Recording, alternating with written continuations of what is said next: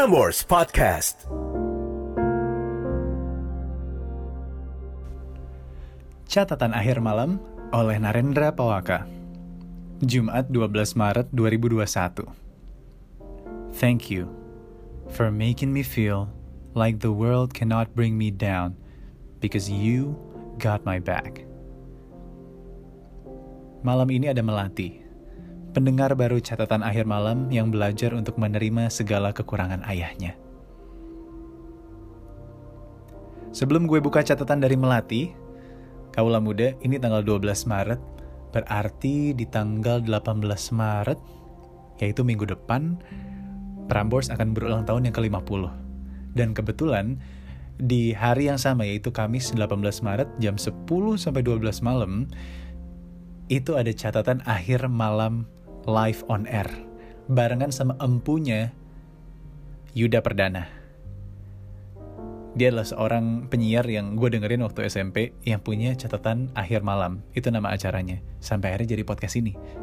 Jadi kalau misalnya kaulah muda lagi di jalan atau pengen streaming atau pengen dengerin catatan akhir malam, itu versi radionya kayak apa sih? Kamis, 18 Maret jam 10 malam. I'll see you there. But as for now, kita masuk ke episode 96 Berarti udah ada 96 cerita dari kaula muda yang rajin untuk ngirimin ceritanya baik atau buruk ke email gue. Jadi buat kamu yang lagi pengen cerita saat ini, silahkan tulis dan kirim ke narendrapawaka at gmail.com and I will read your story on the next episode. Right, let's get into the note dari Melati. Dia udah ngirim ini dari 14 Desember 2020. Baru bisa gue buka sekarang di bulan Maret. Semoga Melati juga masih mendengarkan. Catatannya begini, kaulah muda. Halo Eda. Semoga harinya selalu menyenangkan ya. Semoga. Gue cuma bisa bilang semoga. Menyenangkan.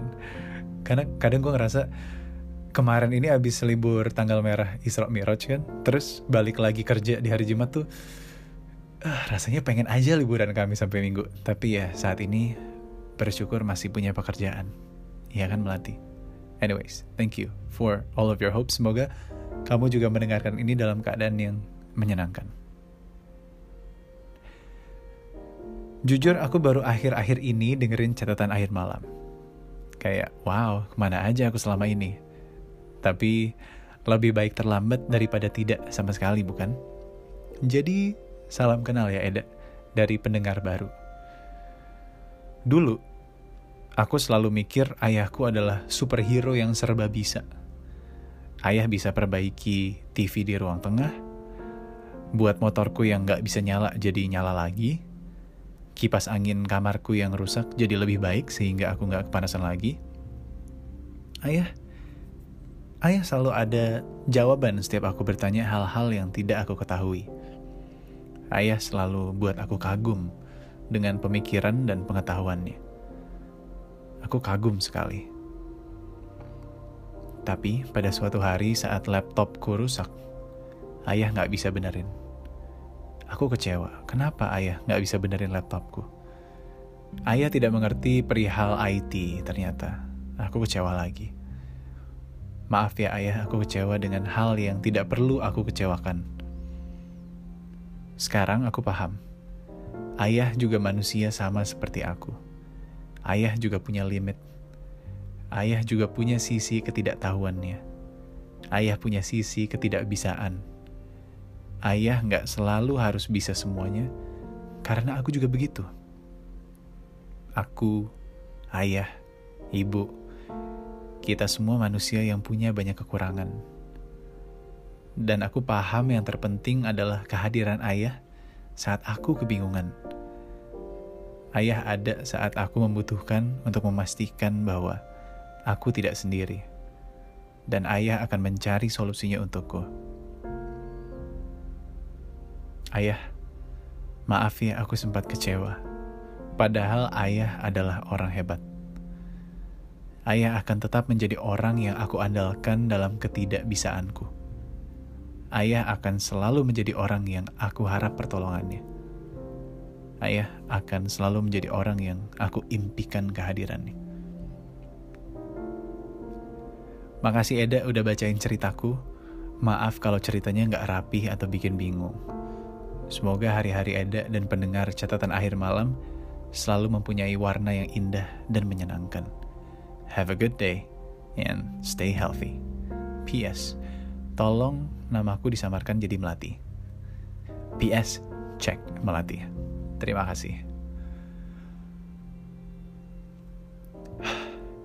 Relieved ketika membaca catatan dari Melati karena kita belajar kalau ternyata hey, nggak semua orang itu sempurna, terutama orang tua kita yang membesarkan kita. So, if you have any weaknesses, advantages of being who you are, gue yakin itu adalah benih-benih dari pelajaran yang diberikan kepada dari orang tua lo. Dan beruntunglah kita yang masih bisa belajar dari orang tua. Banyak kaulah muda lain yang gue yakin bahkan tidak kenal orang tuanya siapa. So once again, thank you buat Melati untuk catatannya. I know we've learned a lot, and to add an additional note to this podcast adalah here's an open letter to my dad. Thank you for always trying. Gue menemukan sebuah catatan yang bagus dituliskan dan gue pengen bacain buat lo kaula muda.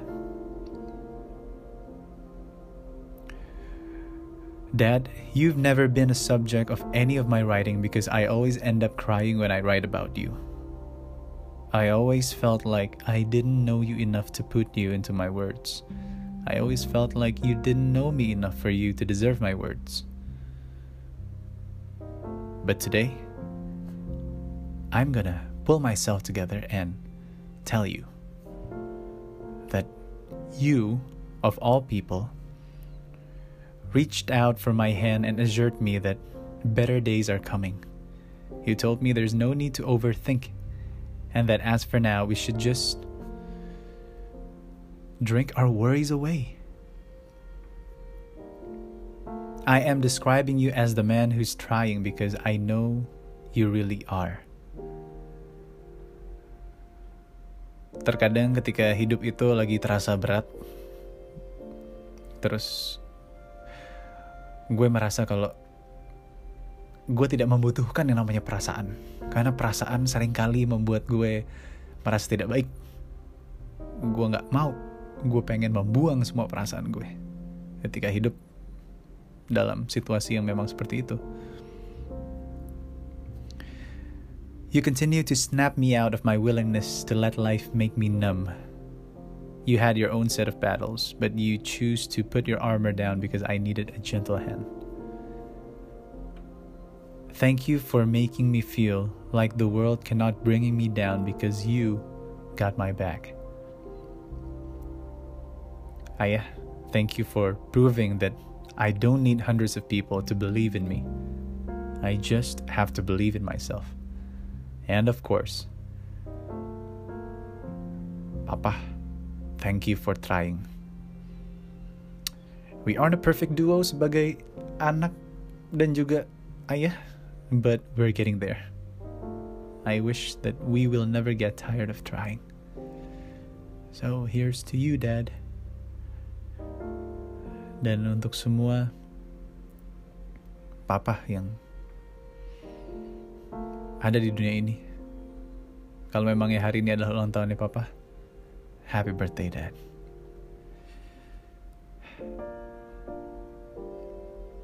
It's okay to feel emotional saat lo mendengarkan ini kalau muda. Apalagi yang udah lama gak ketemu sama bokap. Yang kangen banget sama keberadaan bokap.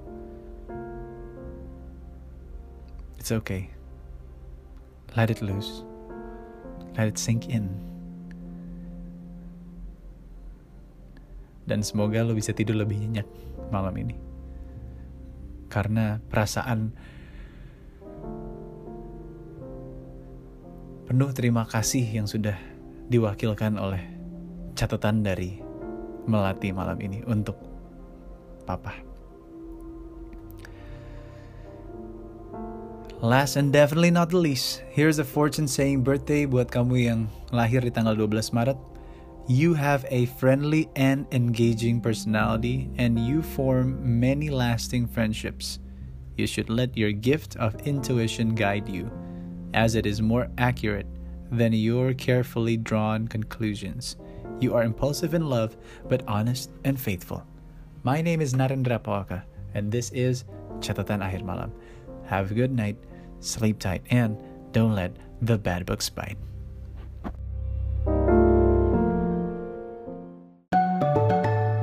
Frameworks Podcast.